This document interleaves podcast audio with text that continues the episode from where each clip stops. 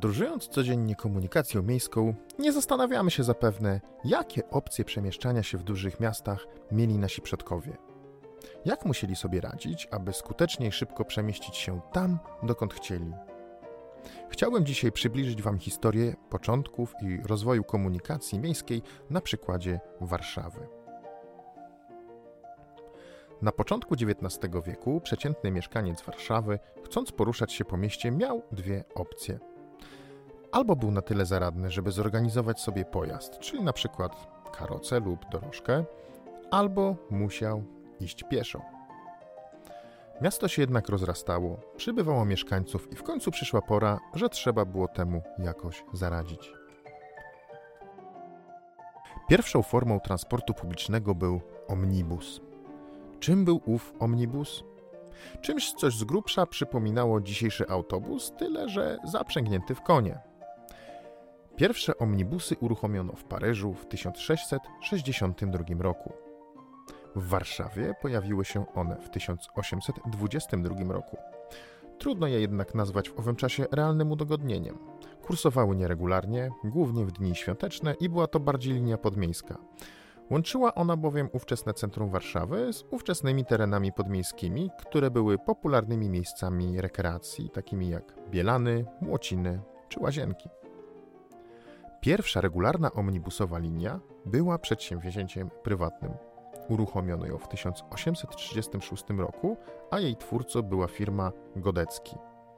Była to nadal jednak bardziej linia podmiejska. Kursowała od Placu Saskiego do Królikarni. Ówczesny omnibus zaś zabierał na pokład 16 pasażerów.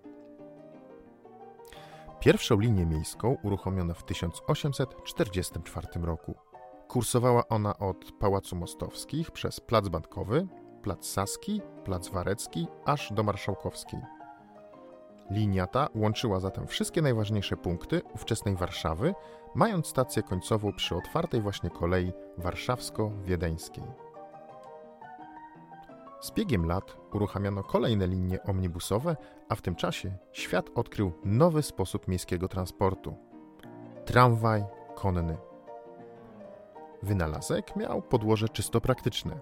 Zauważono bowiem, że koń będzie miał lżej i będzie wydajniejszy, gdy będzie ciągnął po twardym i gładkim podłożu. Tym podłożem mogła być na przykład metalowa szyna. Pierwsze tramwaje konne uruchomiono w 1832 roku w Nowym Jorku. Pierwszym europejskim miastem, w którym pojawiły się tramwaje konne, był Berlin, a miało to miejsce w 1865 roku. Kolejnym europejskim miastem, gdzie uruchomiono linię tramwajów konnych, była natomiast Warszawa. Fakt, że nowoczesność nieoczekiwanie zawitała do Warszawy przed wieloma bardziej znamienitymi ówczesnymi miastami, był czysto pragmatyczny. Wynikał on nie tyle z chęci usprawnienia komunikacji miejskiej, ale bezpośrednio z rozwoju sieci kolejowej. W 1862 roku otwarto bowiem w Warszawie kolej warszawsko-petersburską. Dworzec petersburski znajdował się na warszawskiej Pradze. Brakowało zatem bezpośredniego połączenia pomiędzy dworcem petersburskim a dworcem wiedeńskim w Warszawie, który znajdował się na rogu Marszałkowskiej i Alei Jerozolimskich.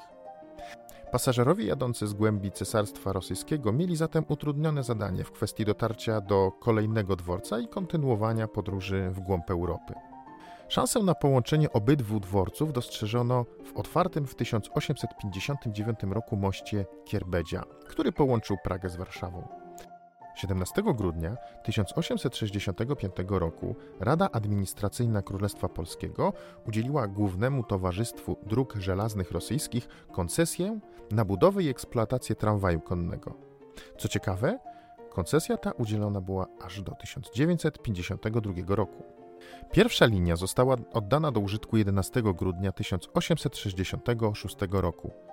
Była to linia jednotorowa, dla której przewidziano cztery mijanki dla jadących z naprzeciwka pojazdów. Początkowo tramwaje nie woziły ludzi, a towary pomiędzy dworcami, dlatego zakupiono jedynie sześć wagonów. Tramwaje te miały dwa poziomy: dolny do przewożenia towarów i górny do przewożenia pasażerów. Malowano je na czerwono. Tramwaj był ciężki i potwornie toporny. Do pociągu zaprzęgano aż dwa konie. Warszawiacy szybko ochrzcili je ropuchami. Bardzo szybko okazało się, że przewóz pasażerów jest równie zyskowny co towarów, dlatego zdecydowano się na rozwój taboru i infrastruktury. I tak szacuje się, że w 1869 roku tramwaj konny przewiózł 378 tysięcy pasażerów. W tym miejscu należy wspomnieć o bardzo ważnej kwestii. Pierwsza linia tramwaju konnego powstała w kompletnym oderwaniu od jakichkolwiek uzgodnień z władzami miasta. Warszawski magistrat nie miał żadnego wpływu na rozwój i eksploatację pierwszej linii tramwajowej. Było to przedsięwzięcie czysto komercyjne, skoncentrowane mimo wszystko w głównej mierze na przewóz ludzi i towarów pomiędzy dwoma warszawskimi dworcami i miasto nie miało możliwości jakiejkolwiek ingerencji w dalszy rozwój miejskiej komunikacji.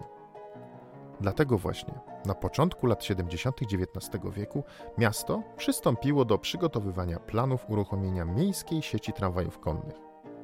Przetarg na budowę pierwszej linii wygrało belgijskie przedsiębiorstwo, które podpisując umowę z warszawskim ratuszem, zobowiązało się do wybudowania w ciągu trzech lat siedmiu linii tramwaju konnego. W zamian Belgowie posiedli prawo do eksploatacji tychże sieci przez 35 lat, czyli do roku 1916, jednak sprawę wcześniejszego wykupu przez magistrat po 15 latach. 18 października 1881 roku prezydent Sokrates Starynkiewicz wraz z władzami przedsiębiorstwa dokonał uroczystego otwarcia pierwszej linii. Przebiegała ona z remizy na Muranowie przez Nalewki, Świętojerską, Długą, Wąską, Podwale, Krakowskie Przedmieście, Nowy Świat z krótkim postojem przy kościele świętego Aleksandra, Aleję Ujazdowską i Bagatelę, aż do Rogatek Mokotowskich. W kolejnych latach nastąpił szybki rozwój sieci tramwajowej w Warszawie.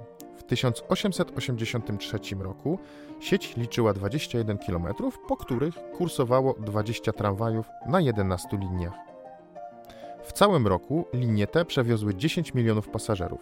Przedsiębiorstwo zatrudniało wówczas 150 osób i posiadało 384 konie.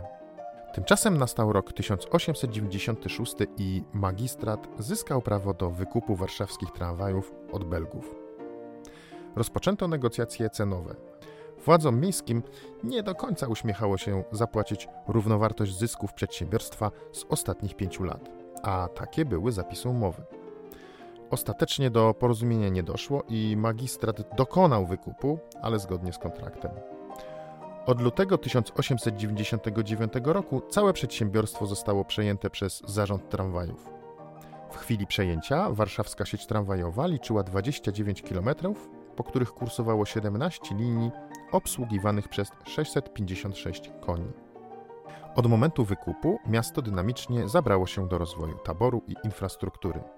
Niemniej już wówczas zdawano sobie sprawę z faktu, że tramwaj konny to przeżytek. Dlatego w 1903 roku magistrat ogłosił przetarg na elektryfikację warszawskich tramwajów. Wygrał je projekt opracowany wspólnie przez zarząd tramwajów oraz firmę Siemens. W 1905 roku podpisano umowę, a już w marcu 1908 roku na warszawskie ulice wyjechał pierwszy tramwaj elektryczny. Początkowo eksploatowano jednocześnie tramwaje zarówno konne, jak i elektryczne, jednak ostatecznie tramwaje konne zniknęły z warszawskich ulic w sierpniu 1908 roku. Pojawiły się wprawdzie jeszcze na krótko wiosną 1917 roku, kiedy tramwaje elektryczne zostały uziemnione na 6 tygodni po wybuchu kotła w elektrowni tramwajowej, jednak ostatecznie tramwaje konne zniknęły z warszawskich ulic 21 maja 1917 roku.